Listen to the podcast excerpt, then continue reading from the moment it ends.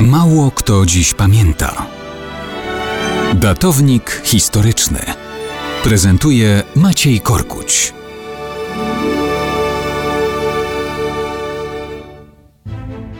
Mało kto dziś pamięta, że Ludwik de Bourbon, książę de Vermandois, już jako dwuletnie dziecko został admirałem Francji.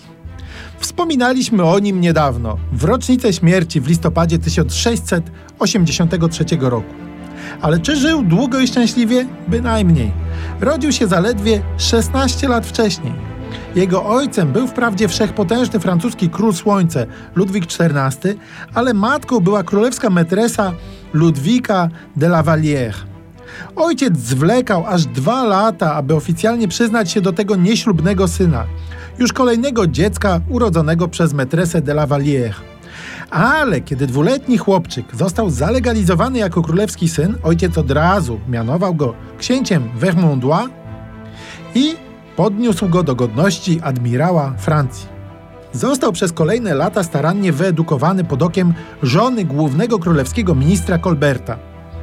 Generalnie wychowywało go książęce wujostwo, kiedy matka poszła w zakonie karmelitańskim pokutować za wcześniejsze grzechy. Niestety, opiekun, książę Filip Orleański, był typem, powiedzmy sobie szczerze, dalekim od wzorów moralności. Jeden z jego męskich kochanków zdeprawował nieletniego jeszcze Ludwika de Vermandois. Ten naiwnie o tym wprost opowiadał. Król na wieść o homoseksualnych doświadczeniach potomka wpadł w szał, a potomek w niełaskę. W 1682 roku został wygnany z dworu. Chcąc odzyskać względy króla ojca, udał się na wojnę we Flandrii. Niestety, podczas oblężenia jednego z miast zachorował i zmarł, mając zaledwie 16 lat.